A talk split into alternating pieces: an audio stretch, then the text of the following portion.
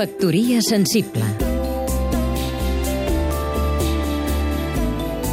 Núria Amat, escriptora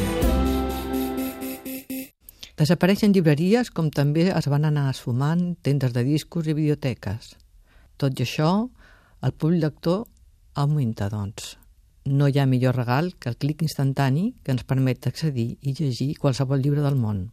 Hi ha llibres que vull tenir a la meva biblioteca, més cars, i uns altres que solament vull llegir, més barats, dissortadament només als països avançats.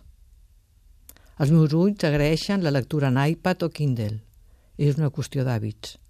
Per ara conviuen les dues formes de lectura i jo gaudeixo d'ambdues i encara més. Compro música en Spotify, el servei de música online que més ha crescut en els últims anys, i quan Espanya dongui el permís, espero poder llogar molt ràpid pel·lícules online pagant la quota mensual a la plataforma web.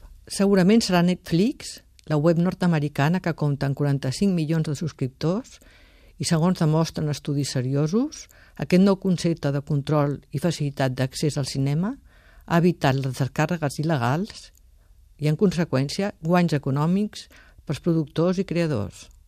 No hi quedem enrere. Factoria sensible Seguim-nos també a catradio.cat